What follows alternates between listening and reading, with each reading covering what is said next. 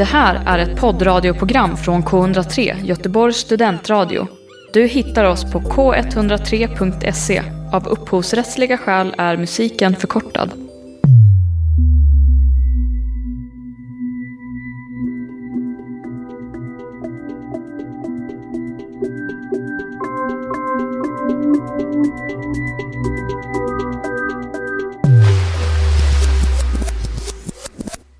Du lyssnar på Den inre galaxen. En intervjupodd där jag, Paulina Witte, träffar gäster och experter som alla är nyfikna på hur vi människor beter oss och vad som egentligen händer i våra känsloliv och hjärnor. Varje avsnitt har ett tema som på något sätt kan kopplas till vår kognition. Så det blir en plats för samtal om allt möjligt, stort och smått. Hej, det här är Ola Salo från The Ark och jag säger till dig att du måste lyssna på Göteborgs studentradio 103,1. Vi hörs där, hej då! Välkomna ska ni vara till dagens avsnitt av Den inre galaxen. Idag ska vi prata om hjärnskanning och vad vi vill och kanske inte vill veta om eh, våra hjärnor.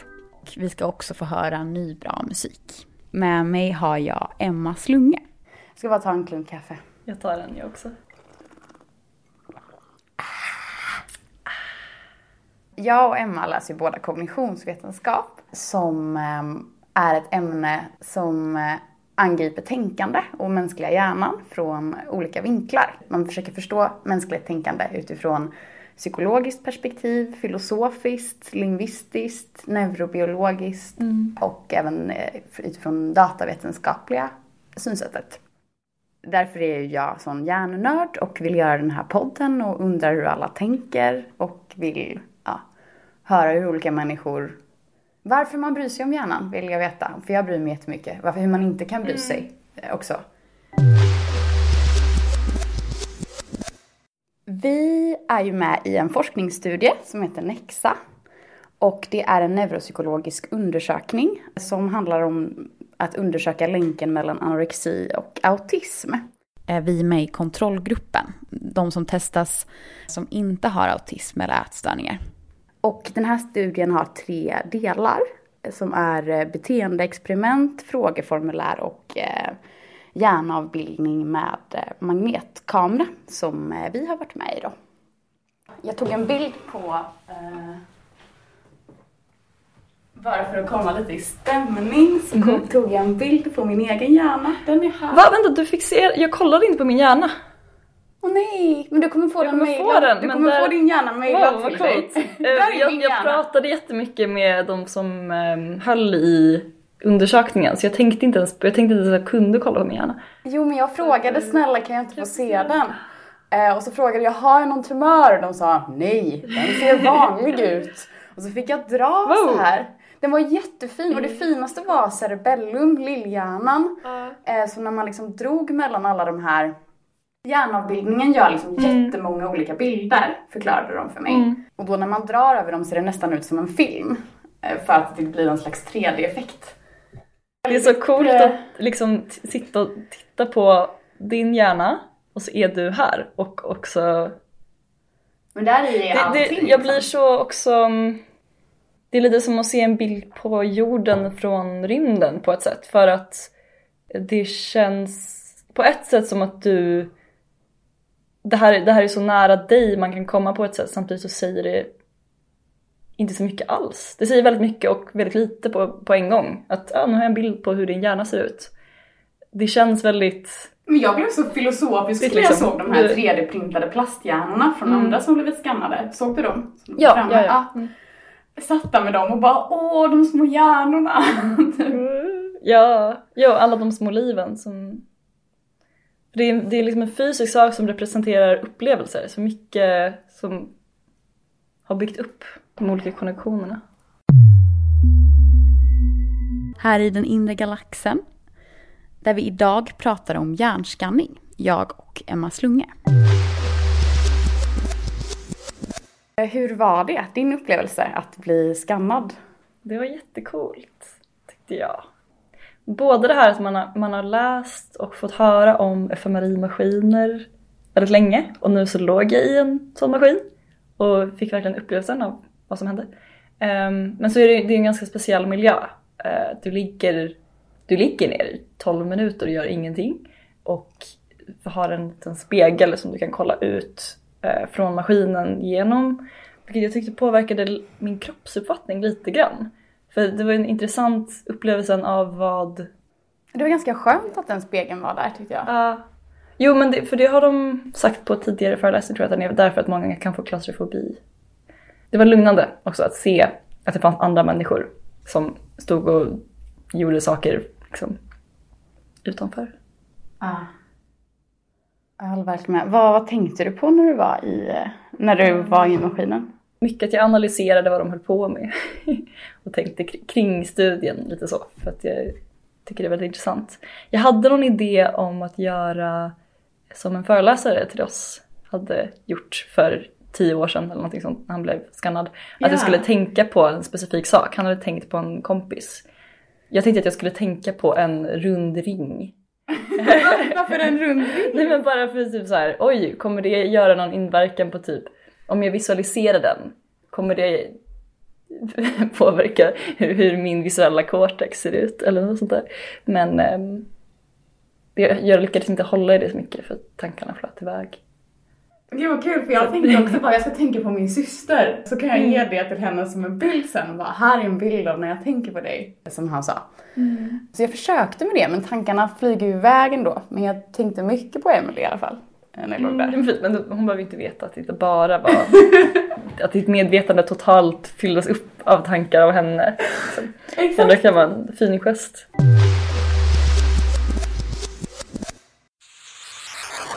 Välkommen till K103, Göteborgs studentradio. Radio, radio, radio.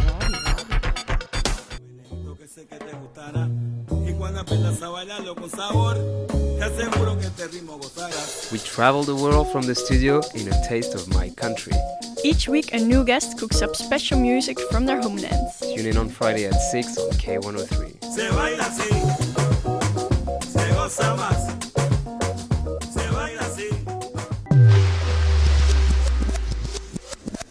Sen tänkte jag också så här, tänk om de hittar en tumör.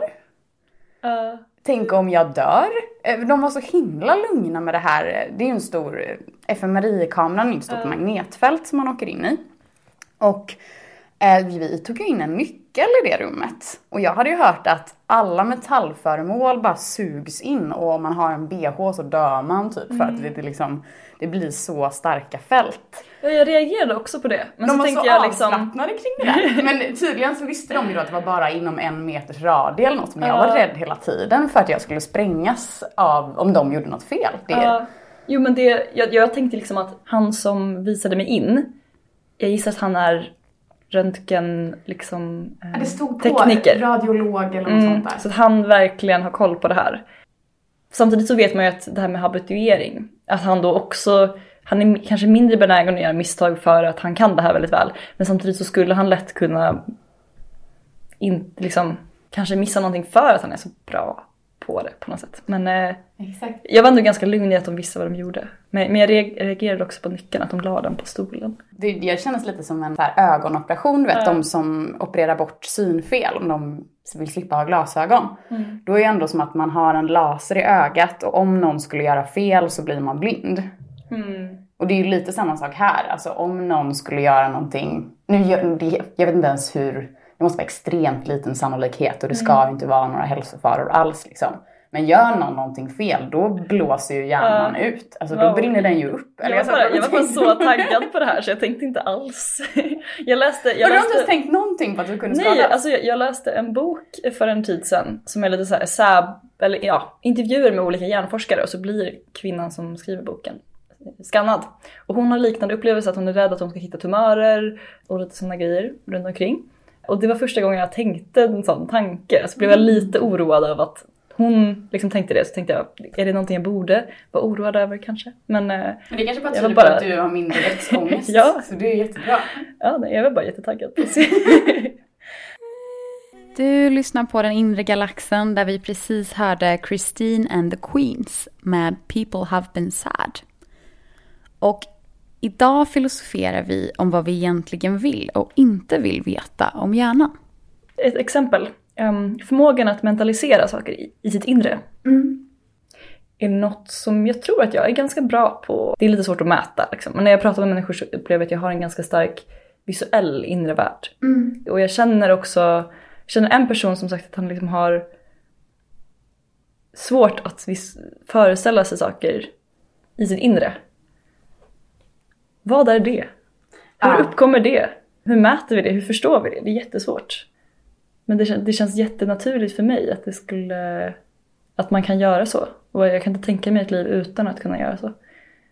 Nej, man kan ju nästan inte föreställa sig hur det är att tänka utifrån en annan hjärna.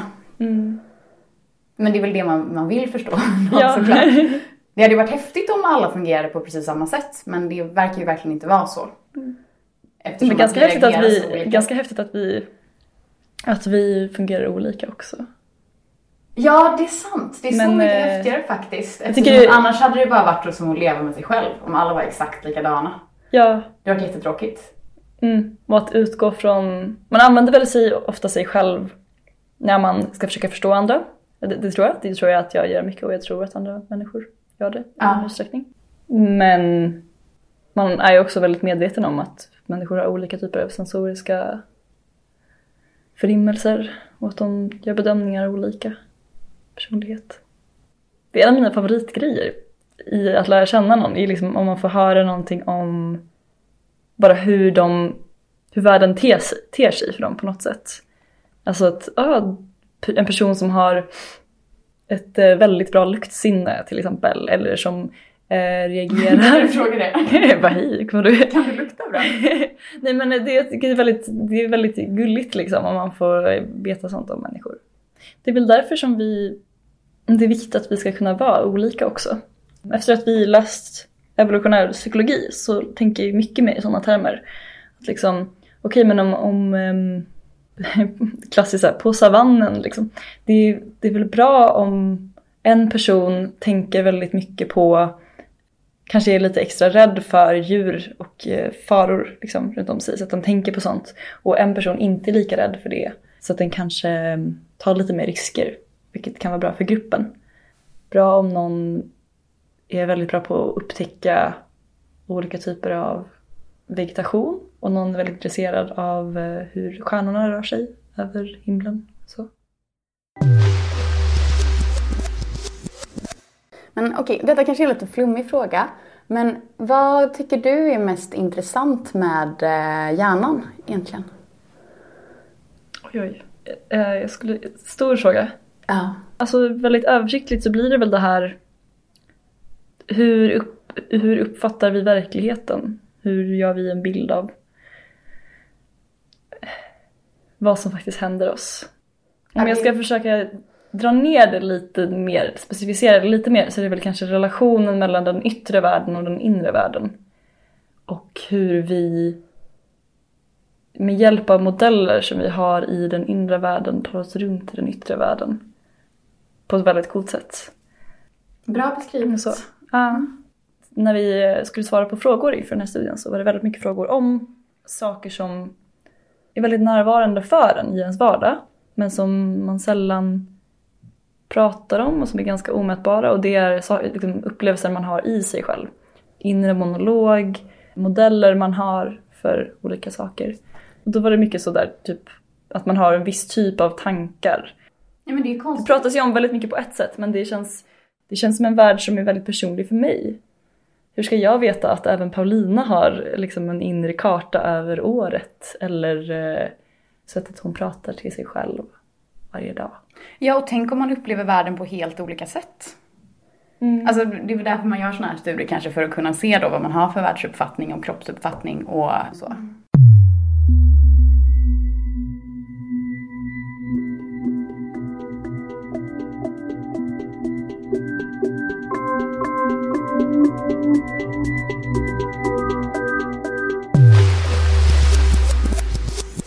Okej, bara en sak jag har tänkt på väldigt mycket Ja. är det här med typ vad vill man faktiskt veta om människan? Ja. För att eh, jag är jättenyfiken. Jag vill bara förstå liksom, vad är människan? Du vill vad, förstå Vad allting. funkar den? Jag, jag vill förstå allt liksom. Jag. Ah, jag vill vara allvetande.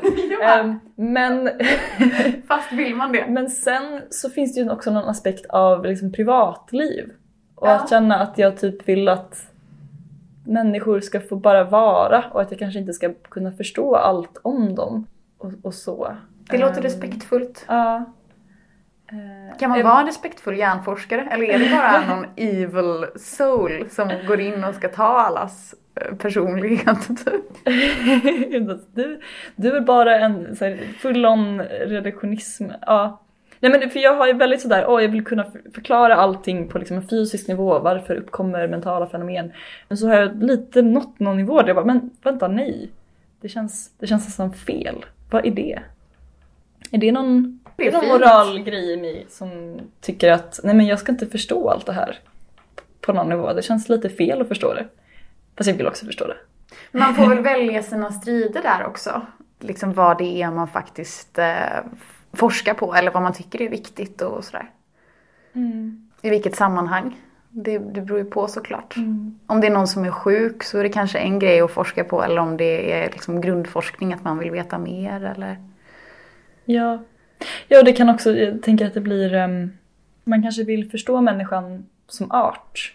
Men att det blir, mm, man kanske ska vara försiktig med att tänka på individer, speciella personer liksom. Ja. Eh, Jag pratar ofta om sådana här ämnen med människor och jag vet inte om hur andra personer ställer sig till det här som kanske inte är- lika inne i, på det spåret. Ja, alltså jag tycker att man måste få vara nyfiken. Men jag fattar vad du menar. Att det är nog ändå bra att ha någon respekt för integriteten i att man inte bara kan hoppa in i en annan människa och, och förklara den och, och göra anspråk på att man kan förstå allting om en annan person. Även om man får vara nyfiken. De kanske tycker att det känns obehagligt att man ska prata om hur de tänker och hur jag tänker och så. Ja, alltså jag förstår vad du menar. Men man får ju också lov att fråga. Tycker jag. eh, Som är Ja. intresserad av dokumentärer och så. Och sen vill man inte vara med behöver man ju absolut inte det. Eller vill man inte prata om sitt inre eller tänkande eller psykologi eller så. Så behöver man ju verkligen inte. Vad kan vi ens veta? Alltså vi vet ju jättelite om hjärnan. Vi vet jättelite om havet, om rymden, om eh, ja, dinosaurier. Ja, det är bara idéer vi har. På ett sätt vill, vill jag när, jag när jag inte studerar och när jag bara rör mig runt i livet bara leva. Och kanske inte analysera så mycket. Fast det är det jag också vill göra egentligen för jag vill analysera allt. Men eh, Men jag tycker det låter gött. att jag tänkt på ändå att man kanske, ska, man kanske ska skära bort det lite. Ha lite, bestämma sig för att nu analyserar jag, nu gör jag inte det. Jag vet inte, bara en tanke, tanke jag haft på senaste. Ja. Lämna människor i fred Ehm. lite. Ja, men summan av kardemumman var väl också lite så här, vad är det vi faktiskt vill veta om människor? Och det som är värt att undersöka kanske är de saker som ger upphov till smärta på något sätt. Tänker du då? Till exempel den här studien som vi varit med i, eh, där man undersöker kopplingen mellan autism och ätstörningar. Ätstörningar är, påverkar människors liv väldigt, väldigt mycket. Eh, autism gör det också. Och att om du har, om du kan ge människor bättre klarhet kring vad det är som orsakar hur de upplever världen, eller liksom de tankeprocesser de är i, då kanske du kan motverka att eller du kan hjälpa dem att leva ett bättre liv och eh, minska, minska lidandet i världen. Och det kanske är sånt man främst ska förstå kring människan först. Eller? Håller helt Ska man med. kolla på allt? Väldigt pampigt.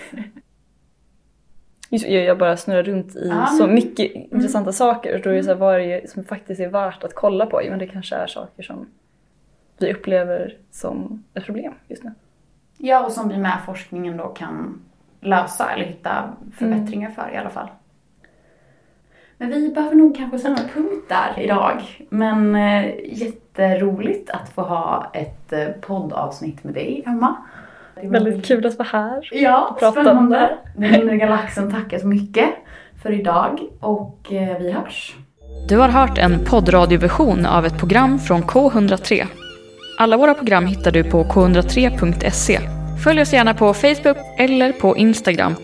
Vi hörs!